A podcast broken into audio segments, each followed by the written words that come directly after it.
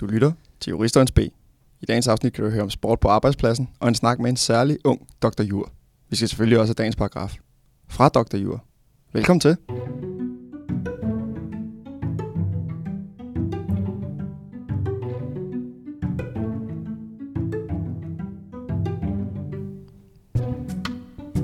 Fra Dr.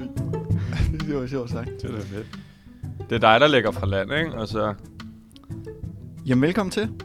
Under normale omstændigheder vil jeg jo køre en, øh, en lille kort præsentation af juristernes B og en hurtig navnerunde. Men jeg har simpelthen fået en klage fra den gode herr Daniel Duran om, at den bliver for formel og for stiv. Det lyder som om, du læser noget op nogle gange. Så nu prøver vi, nu prøver vi på en ny måde. Du, har, du Okay. innoverer på konceptet. Halløj så alle sammen.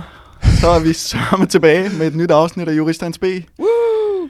Endnu et, endnu en, en lille Nick Jay-reference. Ich heiße William Piel.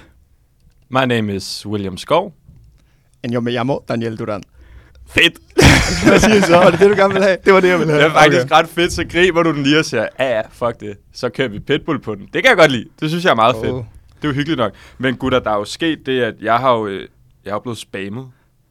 Det er næsten som om, at jeg har fået sådan en stalker. Sådan en lind Er det, er det vores øh, gæst i næste indslag? Ej, gid det var så vel. Jeg har fået sådan en lind strøm af mails. Hey, hej, kom nu.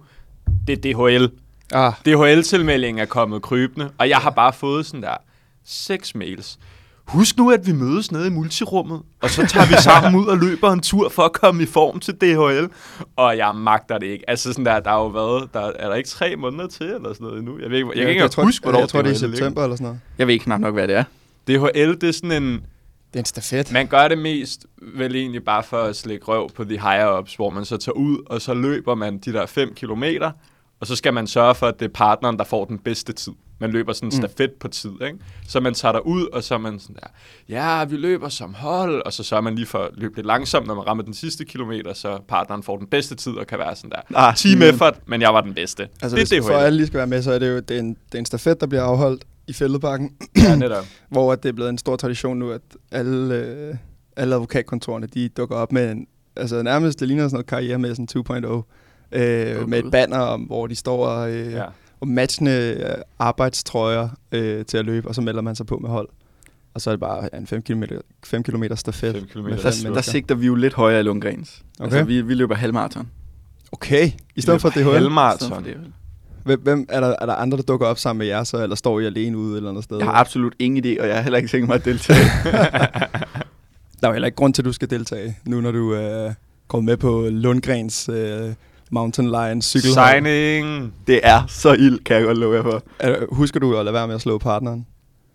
Nej, fordi øh, jeg kører i den hurtigste gruppe, og partnerne oh. Plejer at køre i de laveste. Så er der simpelthen så mange, der er med, at I kan, I kan lave grupperinger. Det er så vanvittigt. Det er netværkscykling med en, der hedder Jens Vækkerby. Han har den mest vanvittige palmaras, øh, man overhovedet kan forestille Og sig. hvor meget øh, koster sådan en meget? Øh, det er hans, Det er et cykel, øh, ikke? Nej, det er hans øh, sejrs, øh, sejrs hvad Jeg troede også, det var tributter. en cykel. Men er det ikke noget, er det ikke noget dyrt grej, man skal have fat i? Er det ikke øh, du ved, sådan en carbon fiber og stel og nogle tynde hjul? Og... Jeg kører, jeg kører lav grej. Okay. Jeg er lav grej, men høj på ben. Men Ja, ja. har I et navn til jeres hold? Det har vi ikke endnu. Men det kunne godt være Lundgrens Lions. Ja, det kunne Det synes faktisk jeg lyder meget godt. Jeg synes jo, det kunne være fedt, apropos sådan holdnavne. Der er jo også det der advokatfodbold. Ja. Der synes jeg godt, man kunne begynde at rulle nogle navne på holdene, i stedet for at det bare var sådan der. Jeg er jo med til Krohmann, advokatfodbolden. Nå ja, du er med hos Akura. Jeg, øh, vi spillede kamp i øh, tirsdags mod Horten ude på Gladsaxe Stadion. Blev destroyed.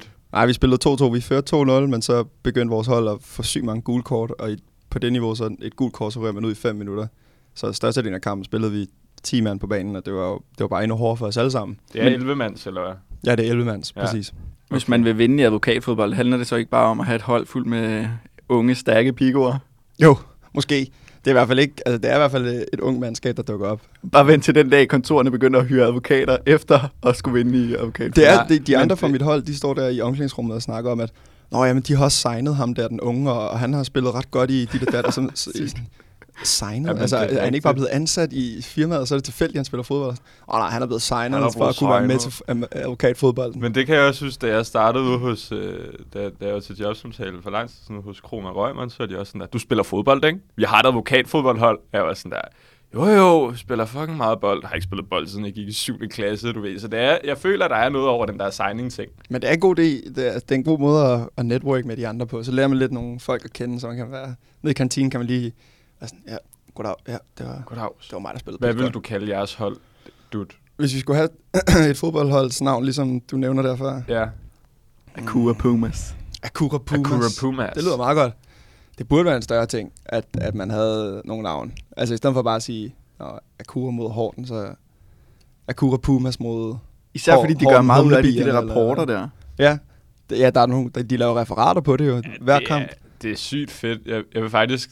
Det kan godt lige være, at vi skal linke til en af de der rapporter, men de er ret humoristiske nogle gange, når man går ind og læser dem, når de forskellige hold har spillet mod hinanden. Det er faktisk meget grineren. Men det vil lige være top-notch, hvis de så fik nogle holdnavn på. Jeg synes stadig, at kammerkrabberne kunne være ret stilet. Kromand, krigerne. Akura Pumaerne.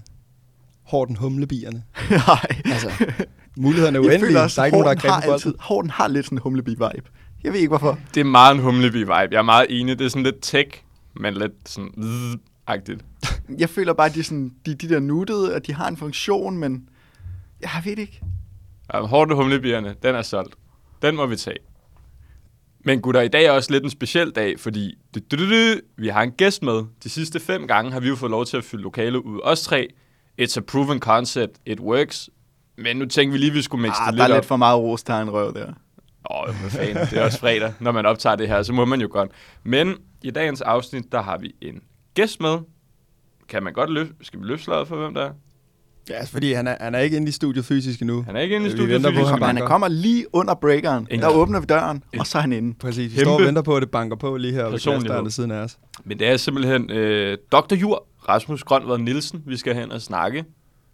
Har skrevet en fremragende doktordisputat, som jeg har læst meget nærgående. Forvaltningskontrakter. Du har den simpelthen stående på natbordet. Det har du jo også. ja, det har jeg. Jeg har lige fået den faktisk. Men jeg, jeg skulle have taget med i dag, så han kunne signere den. Det har jeg dog ikke haft lejlighed til. Det er lidt Ah, en det er en klassiker. Han er, han er fagleder på forvaltningsret på KU, men, øh, men det er jeg sikker på, det kan han selv snakke meget mere om. Lige om lidt. Hun er en 10 ud af 10, men hun beskriver sig selv som en kulpøs type. Uh, det, det er lavt hængende frugter. Det er 5 ud af 10, så. Hej Rasmus. Hej. Rasmus, vi har jo glædet Det er os. altid en nederen måde at starte på det der, så man bare får et enkelt for gæsten. Ja, det er meget sådan en hot take, ikke? Det er virkelig Nej, journalistisk uh, take. Det er ikke så god journalistisk kunde måske. Rasmus, vi har jo glædet os ekstremt meget til at få, øh, få dig ind i dag. Du er faktisk vores første gæst, så øh, Det er til dig. Ja. Simpelthen, simpelthen. Øh, Rasmus, bare lige til lytterne, vil du ikke give en kort introduktion? Hvem er du? Jo, altså jeg er øh, Rasmus Grønve Nielsen, lektor i øh, forvaltningsret på Københavns Universitet. Øh, forsvarede min doktorafhandling i december 21. Øh, fagleder på forvaltningsret, en masse andre spændende fag også. Og ja, far til tre. Så nu hvor der sidder en masse stakler ude på KU og sveder over den gule og den røde bog, så er det dig, de skal hive fat i, hvis de er pisse træt af det. ja, ja. Måske ikke dig. Hvor, hvor længe er det, du har været øh, fagleder? Og, ja, det er ret nyt. Jeg er en del af en kollektiv fagledelse, som, som ligesom kom i gang her for første gang til, til foråret. mm-hmm. og så er du doktorjur. Og det er også... Øh, det er du heller ikke, altså, det er heller ikke helt gammelt, eller hvad man skal sige. Det, det er stadig relativt nyt, er det? Ja, det er det jo. Det er jo kun øh, lidt over ja, halvandet års tid siden, jeg forsvarede afhandling, ikke? Ja. Ej, jeg vil sige, december 21, så har du, øh, du har fået lidt erfaring. Du Ja, har ja. levet lidt Ja, med Der er titlen. en nu. Kan det passe, at når man bliver Dr. Jur, var det ikke sådan i gamle dage, det ved jeg ikke, om det stadig er, men så får man en ring. Jo, man, eller man, man, man får lov til at købe en plade, som man kan sætte på en ring, så man får en doktorring. Er det rigtigt? Ja, ja. Har du købt den? Ja, det bliver man lidt nødt til. Jeg solgte, jeg solgte faktisk min racercykel for at råd til det. Er det rigtigt? Hvad, jeg har aldrig, jeg har aldrig Så er det ikke dig, jeg ser til netværkscyklen. ring. hvad, hvad er det for en... Altså, hvordan ser den ud, eller hvad? Jeg skulle næsten sige, det er bare Ja, sådan, det er faktisk en rigtig overdrevet ring, sådan en rigtig pimp. Okay. Forestil, det er Men har lidt den kun på til særlige begivenheder. Nå. An, andre doktorforsvar og den slags. Ja. akademikernes svar på, du vil ligesom, når du vinder sådan NBA, eller Ja, det er også det, jeg når du får den der kæmpe diamantring. championship sådan lidt, ring. Når, det er sådan akademikernes version af den, føler jeg. Sygt. Er den så, står der noget på den, eller er det bare sådan en... Øh... Det er sådan en Minerva-hoved med Aha. Sådan en laverbærkrans. Det er simpelthen reguleret i doktorbekendtgørelsen. Men ja, te- teologerne de får lov til også at få sådan en hat og en fløjlskærpe. Ja, de går all in på alt det der merch. Stilet. Det kunne vi godt klare lidt mere af. Er det så pr- primært på grund af ringen, at du har valgt at blive doktor, eller er der en anden grund? Ja, det, og så slap jeg for at aflevere videre det, via det program, der hedder PhD-planer, som er sådan et irriterende IT-program. Ja, den, øh, den tror jeg, vi dropper at gå ind i. Men Rasmus, fordi måske også for lige at give noget kontekst, du bliver færdiguddannet fra studiet i 16, Ja. ikke? Og Jo. så starter du egentlig efterfølgende som advokatfuldmægtig ved kammeradvokaten, hvis ikke jeg tager fejl. Ja. Og så er du der i hvad, halvandet år? Øh, ja, lidt mere end halvandet år. Eller lidt mindre end halvandet år. Hvad er det, der får dig til at rykke over mod en altså forskerkarriere? Fordi det tror jeg også er noget af det, vi har talt om nogle gange øh, herinde, altså du og jeg, ja. øh, Pil og Daniel, eller du. Nå, altså, at det er jo meget sådan, men så er jeg færdig, så skal jeg bare være advokatfuldmægtig. Og det er ligesom, man tager lidt skyklapper på og tænker, at det er den eneste ting, man kan gøre. Men, hvad, men hvad er det for dig, der gjorde, at du tænkte, ej, fuck det, nu skal jeg skulle lave en, øh, en Ph.D. Ja, der er, der er flere grunde til det. Jeg var enormt glad for, for mit arbejde hos Kammeradvokaten. Jeg havde også været der i fem år, for jeg startede som student i, i 12 allerede. Så jeg, nu, jeg tænkte for det første også, at jeg havde brug for at prøve noget nyt.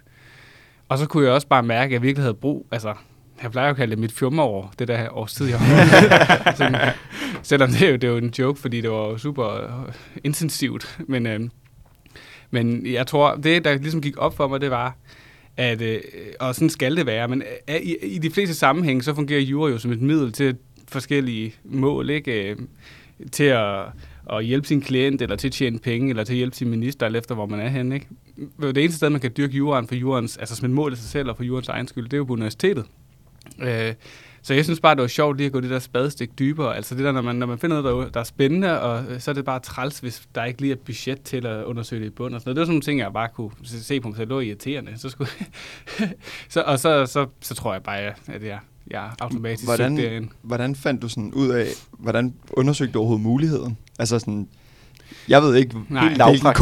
Nej. K-net-fan jeg skal Ej, gå ind under for at kigge over og så er der en eller anden fodnote måske et eller andet sted. Er meget kryptisk. Nej, altså jeg, jeg, havde helt, jeg tror hele tiden, jeg havde en idé om, jeg gerne ville tilbage på et tidspunkt. Jeg havde også, jeg havde også en tanke om, at jeg gerne ville lave sådan en erhvervs som der er jo nogen, der gør, hvor man lidt af deltid øh, fuldmægtig eller ansat et andet sted, samtidig med, at man skriver, og så har man et år længere til det. Øh, men så fandt jeg ud af, at jeg bare ville gå all in på det. Også bare for, at der skulle ske noget nyt i mit liv. Øh, i, det er jo ikke noget, der bliver reklameret særlig meget for, så jeg tror, jeg egentlig bare jeg var opsøgende selv. Okay, Øh, ja. og, og i virkeligheden er min doktorafhandling bare en forvokset udgave af mit speciale. okay, ja. Jeg kan huske, efter vi havde skrevet bachelor, Pil og jeg, så, øh, så var du blevet helt hugt af det her med den måde at lave sådan akademiske skriv på og sådan noget. Så kan jeg huske, du sagde, det kunne sgu overveje, Hvad det, det skulle være, at man skulle overveje at Hvad blive forsker. mener Jeg synes faktisk, det her, det, det var ret fedt at, ja. at skulle gå igennem med sådan et Det kan projekt være, der er sådan en lille tweetblæser gemt i dig en eller anden dag som forelæser. Det ved man aldrig. Så fik vi You så resultatet, og så, øh, så var den drøm i ligesom vasken. begravet. Jamen, det, det er et meget, meget privilegeret job, men også et meget mærkeligt job, ikke? Fordi der er jo, der er jo ingen, der holder øje med, hvad man laver. Så Nej. Altså, man kan godt bare flyve under radaren i tre år, stort set. så det kræver virkelig noget selvdisciplin og, og evnen til ligesom at lave planer for sig selv og holde sig selv i ørerne. Hvordan fungerer det? Altså, rapporterer I til... Ja, man skal højere- lave sådan nogle løbende, øh, kan man sige, evalueringer på, okay. Og man følger sin plan og Ja. sådan noget. Så der er jo selvfølgelig nogle, nogle stopklodser undervejs, Mhm. mm-hmm. men, men det er jo ikke sådan... Det er jo meget svært, altså hvordan fanden går man i gang? Der er jo ikke, det er jo ikke ligesom, hvis der er en, der kommer en partner, der kommer og smider en opgave på bordet. Det er meget mere håndgribeligt, Mm. mm. og man har jo en deadline. Ikke? Ja. så, så det der med, at man hele tiden selv skal planlægge det hele, men det giver også en enorm frihed. Altså, som man kan bare, jeg kan bare ud og så bare, bare læse bøger i flere måneder på et tidspunkt. Men har Ja. man ikke også pligt til at... Er der ikke dels en pligt til at udgive nogle artikler løbende, og så dels også til at undervise som Ph.D.-studerende? Der er, ikke, der er pligt til at undervise, ja, Ja. Øh, i et vist omfang. Det, men det, det vil typisk være det, der svarer til at undervise i et års tid. Så man har også to år, hvor man ligesom er undervisningsfri. Og så skal man også vejlede. Øh, man har ikke pligt til at udgive løbende. Okay, det troede jeg faktisk, man havde. Nej. Øh, man har pligt til at optjene ECTS-point gennem phd kurser Okay, så det er ligesom det spor, det kører i. Ja. Men du har, jo så, du har vel så undervist, og du forelæser vel også stadig i dag i forvaltningsret, ikke?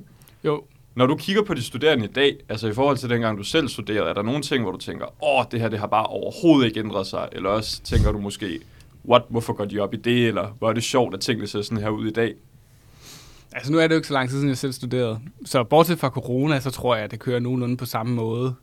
Øhm, men jeg tror, corona har, har påvirket nogle ting. Det virker som, der er meget mere... Altså, måske endnu mere intens fokus på eksamen, end der var dengang jeg studerede, hvor der forvejen var et intens fokus på eksamen. Aha. Øh, og, og, og alt, hvad der dertil kommer med, med præstationsangst øh, og så videre. Som, og det er der jo, det, det skal jo også være der i et eller andet omfang, men det skal selvfølgelig være på en sund måde. Du fortalte os lige øh, en historie om en, der var meget, meget øh, eksamenspresset, inden vi gik i gang. Kan du prøve at sige den igen? Ja, det var fordi i, i, i, i sidste øh, program, der fortalte de jo om, om ting, der er sket til eksamen. Og så kan jeg huske, dengang jeg var til eksamen på Peter Bangs vej, altså tre timer inde i sådan en fire timer skriftlig eksamen, så kan man høre den der velkendte lyd. Psst. Og det plejer jo at være en energidrik eller sådan noget. Men så var der en, der sad og, og drak en Tuborg. Ja, det er så fedt. Det synes jeg, det kunne faktisk godt være, at vi skulle overveje at tage en ramme med, når vi skal til civil. Jeg ved ikke engang, om man må. Det vil jeg aldrig altså- ture. Nej, jeg tror heller ikke, man må. Jeg De tror- siger jo også noget, øh, jeg kan huske, da vi gik på første semester, så sagde de sådan noget med, at Nå, men altså, du må egentlig også godt gå ned og ryge en cigaret, hvis du har lyst. Og det var i stærk kontrast til på gymnasiet, hvor det var virkelig sådan noget, du sidder bare der, og ja. du må kun lige gå på toilettet. Så tænker man, wow, hvor fedt. altså, hvor er det fedt at være, altså det her, det er nu det de voksnes rækker. og det, der. det var, man var aldrig, man var aldrig ude jo, fordi Jeg, det, jeg turer ikke rigtigt, fordi jeg, jeg føler ikke rigtigt, at jeg stole på de der gamle eksamensvagter. Så de sådan, om du må godt ryge en smøg. Og så hvis man gik ned og kom op igen, ville de være sådan der, nej, du kommer ikke ind igen. Nå, for, Det kommer mig, ikke til at ske. for mig var det mere sådan en, jeg stoler ikke på, at det, jeg laver lige nu, er så godt, at jeg kan tillade mig at tage sådan Ej, det er selvfølgelig også altså. rigtigt. Det er selvfølgelig også rigtigt. Ja. Men øhm, nu er du jo fagleder i forvaltningsret. Øhm, hvordan, hvordan fandt du ud af, at det skulle være forvaltningsret? Var det også dit yndlingsfag under, under studiet? Nej, jeg har en meget bred smag. Altså, Okay. jeg plejer at sige, at jeg synes, at alt jura er spændende, undtagen familiearveret. Okay. Men selv familiearveret har jo også nogle spændende ting i sig. Ja. Så, og hvis man kigger på mit... Nu, øh, jeg har lige snakket med de studerende på øh, fjerde semester om valgfag, ikke? Øh, altså, hvis man kigger på mit eksamensblad, så, så er jeg specialiseret i selskabsret, ikke? Så altså, Okay. det behøver ikke at... Det er ikke, fordi det er så definerende for, hvad man kommer til at lave. Nej, Okay. Og jeg har en bred interesse, og i virkeligheden så er jeg også meget interesseret i formueret og menneskerettigheder. Øhm, men, øh, men, men forvaltningsret, altså det er måske lidt et tilfælde, at det lige endte med at være det. Nu, min doktorafhandling handlede jo om, om forvaltningskontrakter, så Mm, netop ja. vi lige imellem øh, aftaleret, obligationsret og, og forvaltningsret. Og det er egentlig det, jeg synes er det, er det mest spændende, når man kan ligge sig der i, i nogle gråzoner. Hvordan fungerer det så nu, hvor du bare er hvad hedder sådan noget, ordinær forsker? Altså, kan, kan du frit vælge, hvilke områder du vil dykke ned i for en given periode? Ja, altså man har jo, øh, nu er jeg jo lektor, så jeg er jo, jeg er jo fastansat. Man er jo først fastansat på lektorniveau. Ellers er man jo tidsbegrænset ansættelser. Øh, så det er jo virkelig ikke særlig gode arbejdsvilkår, man har derinde. Men, men når man har det, så er man jo forskningsfrihed. Men omvendt så er man jo ansat. Jeg er jo, jeg er jo lektor i forvaltningsret, så der er jo en forventning om, at jeg producerer og dækker det i et eller andet omfang. Ikke? Men, men, men, men i princippet tager jeg mig frihed til at lave alt muligt andet også. Altså, jeg, jeg vil gerne bare flyde med strømmen. Altså undersøge det, jeg synes er spændende. Det er meget fedt, man har den Ja, Det kan være, du skal tage fusen på dem, og så skrive sådan en længere afhandling om nødtestamenter eller et eller andet, for lige at komme tilbage til familieafrend. Hvordan, Ja. ja. hvordan, kom, hvordan kom du ind på emnet om forvaltningskontrakter? Altså var det bare, at du, du Men det var simpelthen hos kammeradvokaten, hvor vi havde nogle, en sag med det, og så gør man jo, hvad man gør, og, kildesøger og finder det, der er skrevet om det, og kunne, jeg kunne slet ikke finde svar på de spørgsmål, jeg havde, og så tænker jeg, "Nå, så er der måske ikke også specialemne i det. Og så da jeg skrev det speciale, kunne jeg jo godt se, at jeg bare krattede i overfladen på noget, der kunne være meget større. Mm. Og derfor tog jeg det så også op øh, ja, i en større sammenhæng. Det Men jeg synes, det er en go- god måde at finde emner på, det der med, hvis det stammer fra et eller andet helt praktisk problem, ikke? Øh, og hvis man så ikke kan finde nogle svar på det, så er der noget, der tyder på, at der er behov for nogen, der undersøger det. Måske for lige at skitsere det, det er klart, at man kan jo ikke øh, kode det ind til sådan to-tre sætninger, men, men hvad er det for en grundlæggende problemstilling, altså det Ja. frembryder, når man taler om forval- forvaltningsmyndigheder, når de skal indgå som aftaleparter? Jamen, der er jo det ved det, at de er stadigvæk forvaltningsmyndigheder, selvom de er aftaleparter. Det betyder, at de i et eller andet omfang jo skal overholde de almindelige forvaltningsretlige regler, men samtidig bliver de jo fanget af aftaleretten og formueretten, så det handler grundlæggende om at forstå, hvordan de der to normsystemer integreres. Øh, både når man indgår aftalen, men også når man skal håndhæve den, altså i hvilket omfang er den bindende, og hvordan den fortolkes den, og kan man klage over en afgørelse, kan rekursmyndigheder have de kompetencer til at behandle spørgsmål om afgørelser, og sådan nogle ting, alt muligt. Jeg har taget hele paletten. Jamen, det, du er kommet helt Tour de Forsen rundt. Ja. har din forskning, tror du, det er måske også lidt et stort spørgsmål, men tror du, det har rykket noget inden for Ja, altså i, retsanvendelsen eller et i, eller andet? i al beskedenhed, så er der i hvert fald rigtig meget interesse om, om det. Der. Ja. er mange, meget interesse, både for at jeg kommer og holder foredrag, men der også sker ofte, at advokater eller myndighedspersoner ringer til mig for at drøfte spørgsmål om forvaltningskontrakter. Det er meget fedt at være that guy. The, guy, the go-to guy. Hvis man har problemer Ja. med det, så, oh, så er det ham, vi ringer til. Øhm, jeg, jeg tænkte lidt på øhm, det her med, at jeg går ud fra, at der er mange af professorerne derude, som også var professorer, da du læste. Øhm, og så tænker jeg bare på sådan, hvordan var det ligesom at lige pludselig at skulle være en del af deres hold, eller sådan, du ved, skifte mm. banehalvdel? Jamen i virkeligheden, så Altså, vi er jo meget sådan nogle uafhængige satellitter. Altså, jeg kan okay. Godt bare gå ind på mit kontor og lukke døren, så det er jo ikke, fordi man sådan ser hinanden, og, og det, der er jo ikke, det er jo ikke alle, der er der særlig meget. Nej. Så man har jo mest noget at gøre med dem, man lige sidder omkring, og man bliver organiseret i forskningscentre. Så Mhm. mm-hmm. jeg er i det, der hedder KORA, så jeg har mest at gøre med, I kender jo Trine Baumbach, Ja. jeg ved ikke, om I også har hørt om Peter Pag, øhm, Jo. professor i miljøret, og så selvfølgelig også phd studerende og så videre. Mm-hmm. Så øh, Er det noget med, at han er gammel jord- og betonarbejder ja, der bag? jeg, var, jeg var, havde den ære at være med til hans 70-års fødselsdag her for nylig. Vi har også lige udgivet det festskrift til ham. Og, og jo, han, han, han begyndte først at læse jura i, i 30'erne, og han, var jo, han, var jo, han har Nå. været folketingskandidat for kommu- øh. DKP, det Nå. kommunistiske parti i Danmark. Så øh, han har en meget interessant øh, karriere. Øh, Helt Det, sikkert. må man sige. det kan være, at han skal med i næste afsnit. Ja, Det, det kunne da faktisk være meget fedt lige at få Og- Peter Pan. Hvordan er sammenholdet på tværs af professionen? Altså sådan, hygger man sig? Sådan, nu ved jeg godt, du siger, at man, man sidder der i sådan, men, øh, men da vi var forbi til samtalen en dag, så kom øh, Andreas Elers for eksempel lige forbi og, og kiggede, stik, stak hovedet gestikuleret. og gestikulerede noget.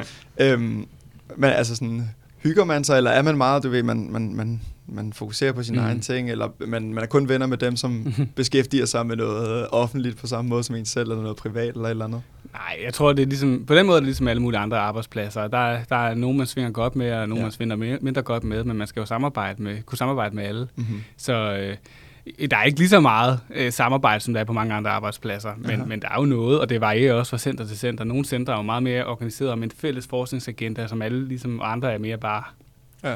Sidder sammen. Og har I, holder I julefrokoster?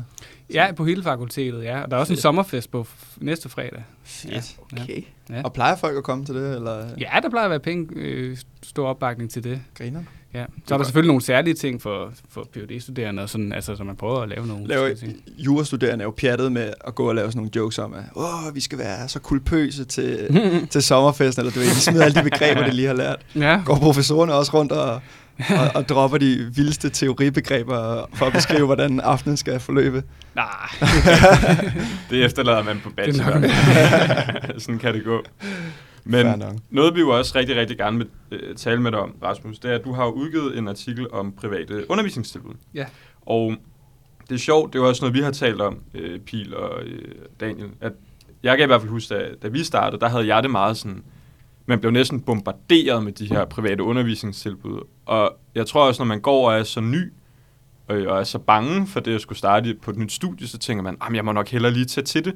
Men, men sådan helt lavpraktisk, nu har du skrevet en artikel om det, Rasmus. Hvad er altså private undervisningstilbud?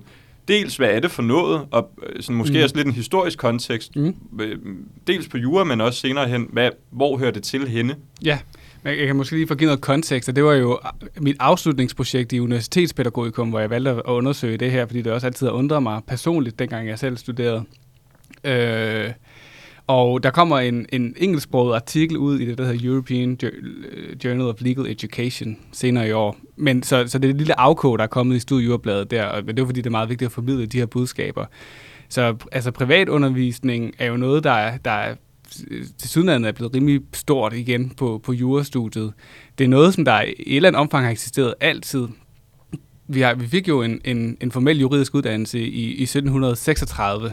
Uh. Øh, ja. Og, og, i, øh, og, og i en lang periode, mere end 100 år, øh, fra sådan cirka midten af 1700-tallet og, og godt et stykke op i 1900-tallet, der har privat manuduktion, som man kaldte det, reelt været det, der bar altså uddannelsen. Fordi professorerne stod og forelæste, og den måde, de forelæste på, var, at de, det, man kaldte diktatforelæste. De stod og læste op af deres manuskript, så øh, de studerende kunne skrive det ned. Fordi, blandt andet fordi der ikke var lærebøger. Øhm, Ej. Øh, og det lærer man jo ikke en skid af, så man bliver nødt til at gå til de der private undervisere, som man jo betalte. Øh, og og det, har- det har været en debat lige så lang tid, som det har eksisteret.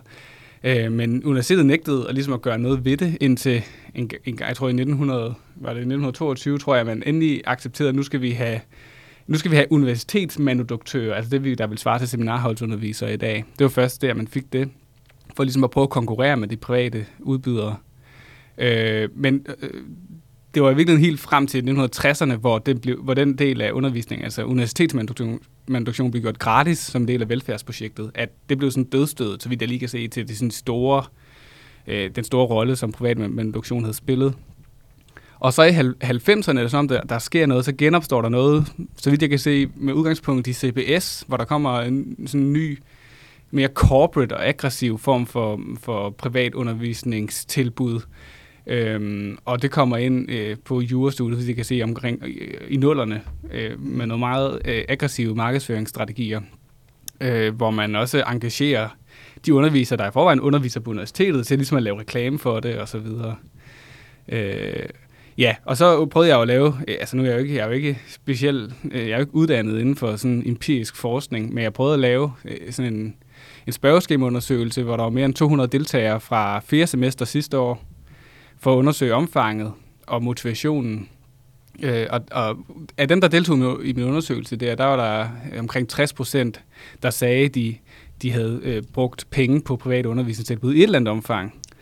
Øh, og det var lidt overraskende, det var så meget. Og så vi kan, man kan altid diskutere, øh, hvilken rolle corona har spillet, om det er et corona-relateret peak, der lige har været der, eller om det er en ny normal, mm-hmm. vi ser. Og så undersøgte jeg også altså begrundelsen for, hvorfor folk gjorde det. Øh, og hvis man skal kode det ind, så er det jo dels, at det er meget eksamensfokuseret, indåret eksamensfokuseret, og så dels, at de studerende bare har behov for en eller anden form for følelse af tryghed. At det er noget konkret, man kan gøre for ligesom at, at håndtere sin præstationsangst og sin eksamensangst. Øhm. Men jeg kunne også se, at det er jo ikke fordi, at, at folk var specielt begejstrede for det i virkeligheden. Så jeg tror i virkeligheden mm. også, det er noget, som de fleste gør helt i starten af studiet, navnlig på de fire første semester, hvor der er store obligatoriske fag, hvor der også er, er grundlag for at tjene mange penge. Ikke? Øh, at det, det er ligesom der, de sætter ind. Ja. Og man kan se i deres markedsføring, at de spiller jo på det der med ek- eksamensangst og sådan noget. Det kan man jo simpelthen bare se. De pakker det ind i humor og memes og sådan noget. Mm. Men, ja. ja, man bliver jo også, nu siger du, man bliver presset lidt derud. Altså, mm-hmm. man, man søger jo svaret. Det er noget også det, jeg kan høre lidt dig. Altså, du, jeg får en fornemmelse af, at du søger også svar på mm. ting. Nu laver ja. du den her undersøgelse om ja. private undervisningstilbud. Ja. Og det samme har man jo som studerende. Yes. Man søger et eller andet universelt eksamensvar. Hvordan kan ja. jeg klare det godt? Ja. Og det, man, søger, man søger en, der bare siger, det er det her, du Præcis. skal kunne. Altså, det er sådan, Præcis. Det. Og, og det er jo et, øh, altså det nirvana, det findes ikke. Ja. altså det er fatamorgana, jeg tror, fordi det er netop den der usikkerhed. Og, og hele grunden til, at der er behov for jurister, det er jo, fordi der ikke findes klare svar. Ja. Så det er ligesom det, man skal embrace. Ja. Jeg tænkte også, øh, kom lige i tanke om nu, det, på, altså det, ja, de siger jo, at det hjælper på, så kan du få styr på eksamensangsten, fordi så får du, så får du svarene af dit og dat. Men øh, det gør det også værre på grund af den her konkurrence mellem eleverne. Altså jeg, nu husker jeg tilbage fra første mm. semester. Øh, jeg vidste ikke meget om, hvordan noget på studiet ja. fungerede. Altså jeg hørte det by word of mouth af mine venner, der har set et eller andet, et eller andet, et eller andet.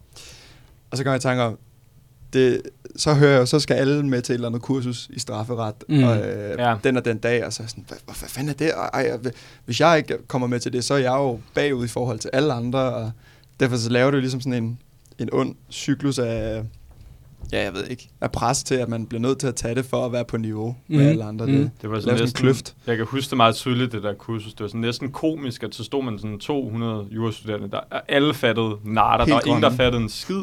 Og så står man og kommer i en eller anden kæmpe hal, og så kommer der jo en eller anden og forelæser over. Ja, det er så pensum i sin helhed. Allerede ved den der betragtning om, at vi forelæser over hele pensum på fire timer, der skulle man måske have mm. tænkt, okay, det, det er måske sådan lidt men, men jeg kan huske, at vi gik der ind med sådan en forestilling om, gutter, når vi kommer ud af det her rum, ikke, så vi er sikre på, at det nok skal gå godt. Og jeg tror næsten, jeg gik derfra og var mere forvirret. Og, og i et eller andet omfang er det jo også sådan lidt en... Man kan også diskutere nogle af de forretningsmodeller, der ligger til grund for de her tilbud, mm. men det kursus, vi var til, der var det jo sådan en, the first one's free, and then you have to pay. Så det er meget sådan for at få folk ind i folden, yeah. og så køre dem videre bagefter. Der bliver også ja, de har, de, har, de har jo også afbetalingsmoduler og abonnementsordninger og sådan noget. Ja. De er meget kreative jo. Ja. Jeg fandt også ud af, jeg spurgte også dem, der ikke brugte det, hvorfor de ikke havde brugt det. En stor del af forklaringen er, at ikke alle har råd. Det er også en lille smule forstemmende. Det er sindssygt dyrt. Ja. ja. Jamen, hvad var det? 700 Men man kan jo købe, man kan få tilbud jo, man kan jo, hvis man køber semester eller hele årspakker og sådan noget, så man bliver også... Altså, oh, crazy. Ja jeg kan jo puske lorien herover. Jeg har aldrig nogensinde været eller betalt for private undervisningstilbud. Det har jeg heller ikke betalt for. Jeg har, kun, jeg har heller ikke deltaget i det. Jeg har kun været til det der introkursus. Ja, gang. det var jeg også. Så tror jeg også, jeg ligesom vurderede, at det, det synes jeg var sådan, det, det gør men, jeg sgu ikke. Men jeg tror, jeg vil gerne være rimelig nuanceret med hensyn til det, fordi at det er ikke fordi, jeg siger, at det, det er ikke kun dårligt. Det kan sikkert have sin berettelse, men ikke i, i det omfang, det er. Jeg tror for langt, langt de fleste, så spilder tid og penge, og den, den tid, man bruger på det, er meget bedre givet på andre læringsaktiviteter, og pengene er bedre givet i fredagsbarn. Mm. Ja.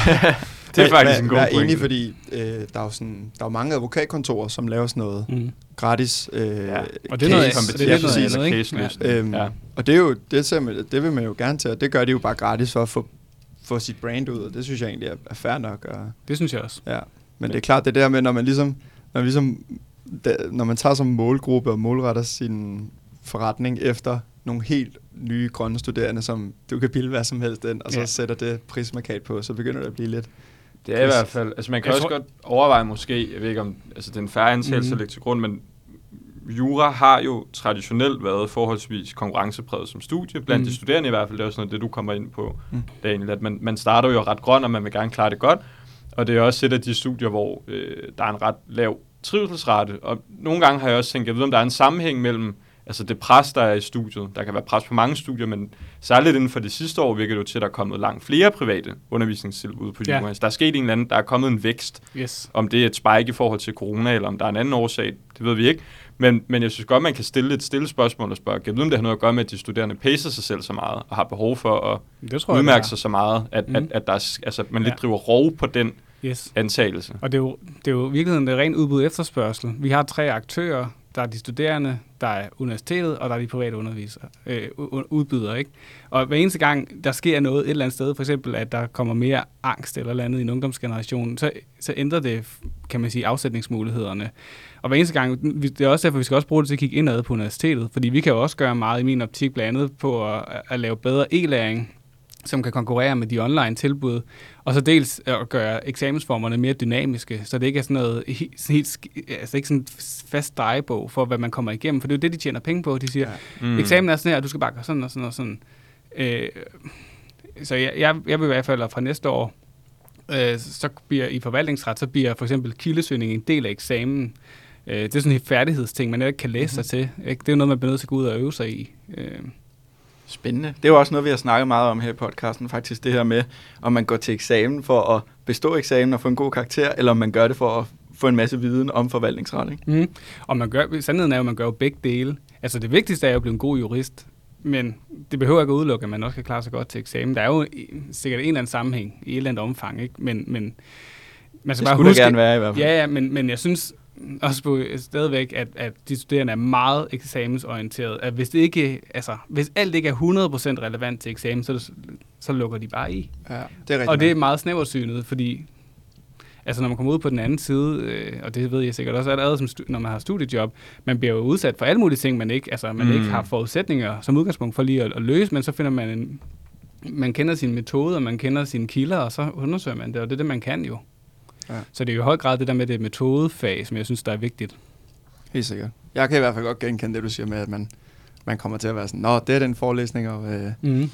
du vil ikke sige, Forvaltningskontrakter. Men, men, du, havde, du lavede en forelæsning, da vi havde forvaltningsret, og der, der tænker jeg, det her, det lyder... Der sagde jeg Det det også først til sidst. Ja, Det ja. kommer ikke til eksamen.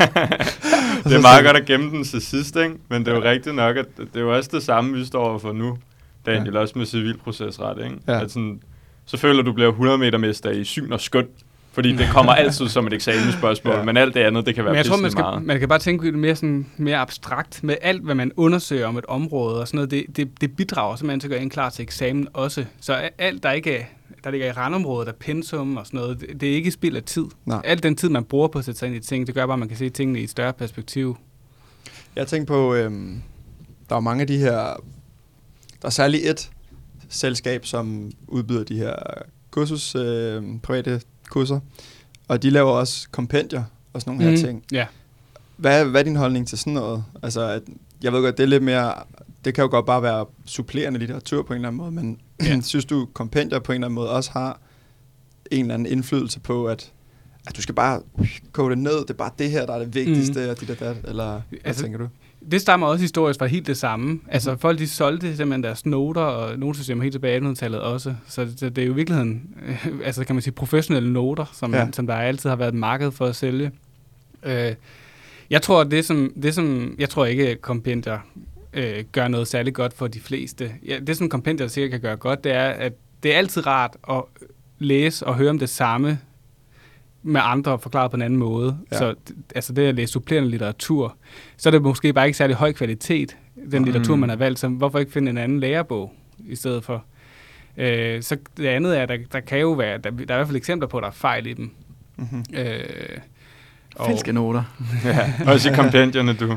Og, og, og, så jeg, så jeg tror, det bedste, og det er virkelig det samme, med, når, man, når, altså, når studerende deler deres notesystemer og sådan noget, hvilket jo er, er prisværdigt, men det, som man virkelig lærer noget af, det er at lave sine egne systemer. Mm. Altså, prøv at lave det i jeres eget kompendie, ikke? Øh, eventuelt split øh, strukturen op i undervisning, altså det er en ny, altså det, det er det der med, at man producerer noget selv, man virkelig lærer noget af. Ja. Jeg føler også, jeg plejer også, øh, jeg plejer at skrive, når jeg tager noter, så plejer jeg at skrive helt vildt meget ned, Ja. sådan så jeg ved, at de noter har basically en lærebogen kogt ned til, hvad jeg føler var, var det rigtige. Øhm, og det er totalt uoverskueligt, men jeg ved, hvor tingene er. Ja, Og når, når jeg så får tilsendt nogle noter øh, fra en eller anden, som jeg har bedt om, eller et eller andet, øh, som så kan være mega gode, mm. men så er det sådan, jeg kan bare ikke i praksis anvende dem, Mm. fordi jeg har ikke skrevet dem, så jeg, den, jeg har ikke the touch over, Nej, sådan, nej, hvor, præcis. plejer, hvor står det, hvor skal jeg lede? Så sådan, Nej, man føler, at strukturen er helt på månen, ikke? jo, eller altså bare sådan, sådan, det har jeg også prøvet jeg mange bare gange. Ikke, man har ikke samme sådan, det er ikke lige så let tilgængeligt, fordi man selv ligesom Nej. ved, hvor ens ting er. og der er også en anden faldgruppe ved det der, som vi jo tit ser, når vi skal øh, bedømme eksamensbesvarelser. Det er så er der et afsnit, som øh, plagiatkontrollen fanger, og så, hov, så kan vi se, det helt samme afsnit ja. er i en besvarelse for tre år siden, ikke? Ja, Og det kan jo kun lade sig gøre, fordi folk er søde og dele deres besvarelser og Mm. noter, ja. øh, og så er der måske nogen, der putter ind i deres egne noter, og så glemmer de på vejen, åh, oh, det er faktisk ikke min tekst, men så er det jo formelt plagiat, ikke? Mm. Det er jo Mm. eksamensnyd. Ja. ja. Men det er sjovt, det der, du siger med at købe og sælge noter også. Fordi Ja. jeg, var, jeg var ude for... Ja, du er lige blevet Ja, tilbudt Der, der, jo. der, der er en god kultur for, at folk deler sine noter. Ja. Det synes jeg er mega fedt, og, Ja, og alt sådan noget, folk vil hjælpe hinanden. Så er der en, øh, en person, som har skrevet på en af de der Facebook-grupper, at hun har bare guldnoter i X, Y, Z-fag. Altså, de er bare... De spidse. De er, der er, hun har minimum fået 10 i øh, alle fagene, og det var bare sindssygt godt. Skriv ved interesse. Og så er der kæmpe... Når folk ser en, som mener, at de har styr på det, så, Ja. så bliver man helt Så bliver du oraklet fra Delphi, så, ikke? så er det ja. den person, ja. Så jeg skrev også sådan, hey, jeg, jeg, jeg har civilprocesret, du må gerne sende mig dine noter, hvis det er. Og så får jeg bare en copy-paste besked tilbage, hvor der står, altså hvor uh, den første sætning er ligesom svaret på en anden formulering, end den jeg gav, fordi det ligesom bare var et hurtigt svar. Så, sådan, ja, det koster 50-100 kroner afhængig af, hvilket fag og hvilket øh, dit og dat. Så hun prøvede at sælge det til mig, og så blev jeg, blev virkelig øh, sur, og så, så svarede jeg bare tilbage med et lol. øhm, og Det gad du ude, ikke mere. Ude på, øh, på skolen i A-triet, så kunne jeg høre nogle andre, der også stod Mm. og så, så bad hun bare om øh, 50 kroner for det der. så heldigvis er folk enige om, at det er noget værd noget. Ja. Men øh, det synes jeg bare var lidt sjovt. Og det kan være fint nok at få inspiration i andres noter, men jeg gentager lige, at det bedste er altså at producere sine egne, fordi det der med at producere dem, det er ikke at læse dem, det er at producere. Ja. dem, man lærer noget af. Men det er jo også lidt sjovt, det du siger, at det, hun bliver jo kun sablet ned, fordi hun ikke skjuler sig bag en barriere. Mange af de her private undervisningstilbud, de markedsfører sig Ja. netop ved at være sådan nogle NGO'er eller et eller andet, Mm. som virker meget mere neutrale end hende der, som til synligheden bare vil tjene penge. Ja, Ja, ja. Men det vil de andre Der er også. måske lidt mere ærlig markedsføring over det. Ja, Kan man det, det sige. ærlige sted havde selvfølgelig været, hvis det stod i opslaget, det kostede penge, ikke? Jo, det er rigtigt. Det ja, gør det, det er klart. det er klart. Skal vi have en paragraf? Mm. Ja, Lad vi os skal lige det. have en breaker først.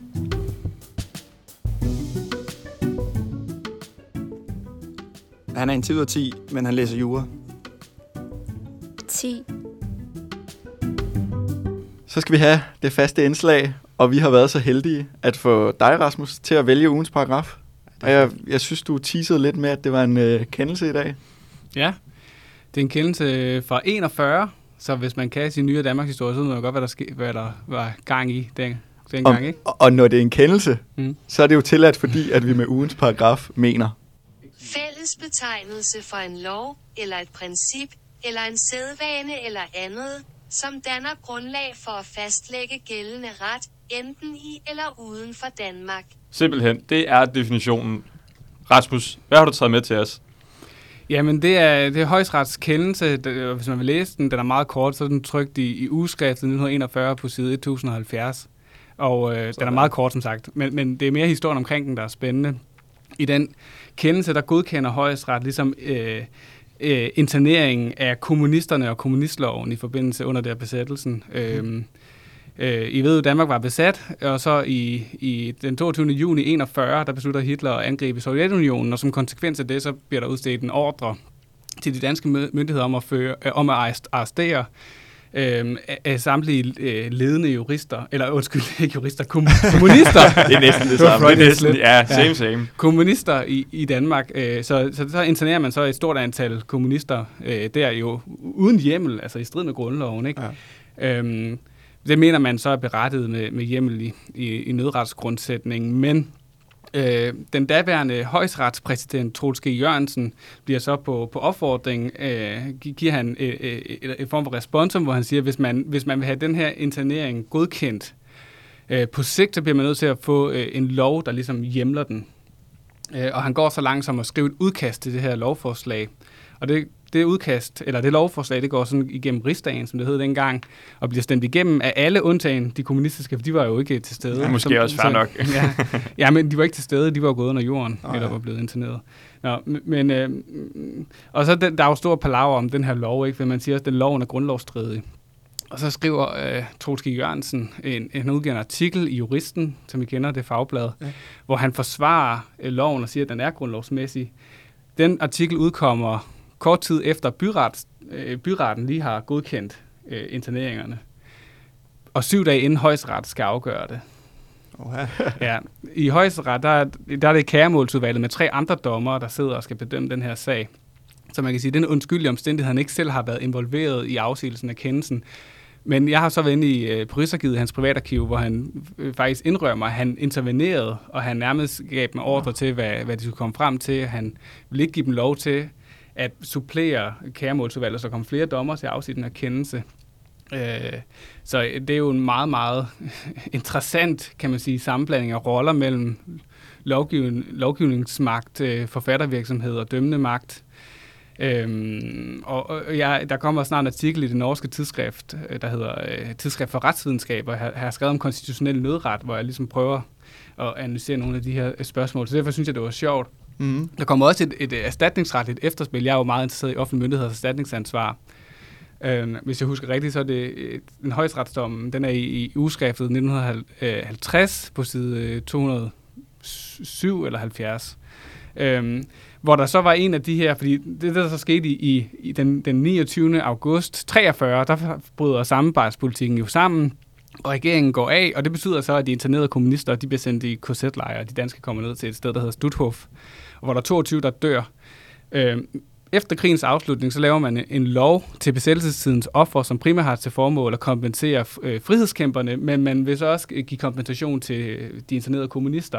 Mm. Øh, det er ikke en fuld kompensation, fordi den danske stat er jo ikke ansvarlig for øh, de tab, som frihedskæmperne har, har lidt. Man mente, man var lidt i tvivl om, hvorvidt den danske stat rent faktisk var ansvarlig over for kommunisterne, men man ville gerne ligestilles med frihedskæmperne. Mm. Der var sådan en havnearbejder, Bertelsen, han mente, han skulle have krav på mere erstatning, så han førte en efterfølgende erstatningssag hele vejen til højesteret, hvor han også, øh, at han, han fik ikke mere. Og man kan se, at det ligesom også er begrundet i, at det var faktisk, altså selvom det formelt var i strid med grundloven, så var det ikke ulovligt. Det var ikke en uretmæssig handling, man havde gjort der, fordi man gjorde det jo for at, at bevare samarbejdspolitikken, som der var bred konsensus om, var i Danmarks interesse. Mm. Ja. Så man udstrækker nødrets Ja, så der, er- man kan sige, der er faktisk en, ja, og der er en form for, det er jo en erstatningsretlig refleksvirkning af nødret, ikke? At, at hvis man så har hjemmel i nødretsgrundsætningen ja. til at bryde grundloven, så kan man heller ikke efterfølgende kræve erstatning, udover det, som der så var blevet fastsat i sådan en lovbestemt ordning, ikke? Crazy. Men var årsagen til, at man mente, det var grundlovsstridigt for så vidt angår øh, altså internering af kommunister, øh, sådan ud fra en eller anden betragtning om, at det var singulær lovgivning? Eller hvad var det, man mente? Øh, jamen, altså, det er jo altså, politisk motiveret internering, men der er Ja. en lang debat om, hvorvidt det, altså, øh, Troels G's synspunkt var jo sådan set, at, at der var lovgivet helt uafhængig af grundloven, men de fleste er nok af den opfattelse, at, at den er formelt grundlovsstridig, men, men i sammenhæng øh, betyder det ikke, at det er ulovligt, fordi at, at det jo skete jo under tysk pression, og Ja. ja. resultatet, hvis man ikke havde gjort det her, var jo, at, at samarbejdspolitikken måske havde faldet, ikke med større, større konsekvenser. Så i virkeligheden, så kan man også se ham her, Troels, som en nationalist, faktisk, hvis man indtager det synspunkt. Ja. Ja, men det, det sjove er så, hele grunden til, at jeg skrev den der artikel, det er fordi, at tilbage i 1902, der skrev han en guldmedaljeafhandling, som jo er noget, man stadig kan. Så ja. Universitetet slår en opgave op, som alle kan byde ind på. Og det, der skriver han en afhandling om retsvirkningerne i krigstilstand. Altså det vil sige 40 Nå. år inden han støder i rollen der som højestpræsident under besættelsen. Og det manuskript har så været væk. Men jeg har fundet en del af det på Rigsarkivet, så jeg synes, det var meget sjovt at få videreformidle det. det er ikke, og han trækker jo masser på de ting, der skete i 1864 og sådan nogle ting. Ja. Sjovt. Det er sådan lidt monkeys paw-agtigt, ikke? Be careful what you wish for. Så skriver du en guldmedaljeopgave, og så skal du stå for Ja. 40 års penge senere og Ja. stå og votere over det. Hvad er det nu lige en guldmedaljeopgave? er? Det er bare en, altså det er jo en gammel institution, hvor universitetet slår øh, et, et spørgsmål op, øh, som alle kan svare på, og så øh, bliver der nedsat et bedømmelsesudvalg, der bedømmer, om, om hvor godt det er. Og hvis det er, det er pænt godt, så får man en sølvmedalje, og hvis det er super godt, så får Nå, man en okay, det er bare på den måde. Okay, Ja. sjovt. Så det er typisk rettet mod sådan, enten studerende eller nyuddannede øh, personer. Det Det kan er være, at din det, akademikerdrøm, den kan leve lidt endnu, Pil. Det kan være, at du skal have en guldmedalje på et tidspunkt. Ja. Hvad skal jeg så finde på? Skal det være om det samme? Nej, så men kan det, jeg du, kan ikke selv, det er det, du, du, du kan ikke selv finde på det. Nå. Det, du skal jo svare på det, der bliver slået Ah, ja, selvfølgelig. Ja. Okay. Det er et stillet spørgsmål. Ja, okay. Ej, men så må jeg være vaks og vågen inde på Kogenet, jo. Det må du gøre. Men det er meget sjovt. Der er en række... Altså, det, det er sådan en virkelig kuriøs øh, kendelse, det der. Men jeg Ja. synes også, vores, jeg synes også, vores underviser i civilproces, øh, Daniel, han nævnte også, at der er et eller andet med en voteringsprotokol fra en eller anden gammel sag under besættelsen, som også er forsvundet. Det ved jeg ikke, om du også kender til. Jeg har i hvert fald, jeg har været inde og kigge i voteringsprotokollen til det her, der var der ingenting. Så, så Nå, men, det, men jeg tror måske netop, det er det, fordi... Nej, nej, for jeg, jeg fandt, jeg, det er også en kendelse, så der er ikke som sådan, men jeg, den er der. Jeg kunne Okay. også se, at Sala havde været der i øvrigt. Ja, nå, Så der, var okay. en, der var en note derinde. Sjovt. Øh, ja, det, det, ved jeg ikke specifikt, om der er en votering, der er forsvundet. Men, øh, men, men det er jo noget, man kan, når man... Det er ingen grund til at være forsker. Det er, at man får adgang til højesterets voteringsprotokoller. Altså først, når de er 20 år gamle, men Ja, ind i skattekisten. Jamen, jeg mindes bare, at han fortalte en eller anden historie om, at der var en eller anden sag. Og jeg tror måske, det var noget om opløsning af en forening eller et eller andet Nå. under besættelsen. Jeg kan ikke huske det helt tydeligt, men der nævner han, at man kommer frem til et resultat, som man, hvis det ikke sådan, altså, juridisk politisk vil synes var super godt, men det var også lidt en pression, og så har man så fjernet den her voteringsprotokol okay. senere hen, så man ikke kunne finde den. Det er en eller anden sidebemærkning, han kom med. Jeg kom bare til at tænke på det. Ej, Det må I jeg tror- efterprøve. Ja, det må vi finde ud jeg af. zonede ud, da, da han snakker om det. Du sad og Jeg spillede WoW. Det her, det her det er ikke eksa- eksamensrelevant. Du dungeon rated. Ja. Åbnede lige en Carlsberg. Jeg lukker. Jeg synes jo virkelig, at den her ugens paragraf er med til at sætte streg under, hvor spændende det kan være at være forsker. Altså Ja. det her med bare at kunne dykke ned i det her Det er lille lidt- niche. Jeg har faldet ned i sådan et kaninhul der. Ja, ikke? præcis. Det er totalt Alice in en- En Wonderland. artikel på 40 sider om konstitutionel nødret på baggrund af det. Nu bliver du også ham, man kalder op, når de skal finde ud af noget erstatning, øh, hvis der sker et eller andet nødrets... Ja. øh, Men den artiklen har det sidste perspektiv til alt det, der skete med corona og mink Mhm. og sådan noget, faktisk. Hmm. Spændende. Skal Cool. vi øh, til at runde af for i dag Det tror jeg, vi skal. og mødes igen på øh, podcast-appen om, på mandag om to uger? ja. Det var godt leveret. Rasmus, du skal have tusind, tusind tak, fordi du havde lyst til at være med. Det var rigtig spændende dels at høre om øh, dig som person, øh, og dels også lige at runde private undervisningstilbud og alt fra en øh, kendelse under besættelsestiden. Så tusind tak. Ja, selv Ja. sagt, det var en fornøjelse. Så takker vi af. Podcasten produceres i samarbejde med Karno og Konius. Nej, det er ikke det. Det, det, det er Jamen, det samarbejde. er fordi, du ikke siger det jo. Nå, okay. Jeg kan også sige det. ja, det, ja, det kunne være sjovt. Det, men det, det, sam, det, jamen, det må du godt, men det podcasten produceres i samarbejde med K-News og Karno Group. Var det ikke at stille ud af? Jo, Nej. det var præcis det. det. Nej. Du må godt sige det, Rasmus. Podcasten produceres i samarbejde med K-News og Karno Group. Fedt, Rasmus. Bum. Tusind tak. Selv tak.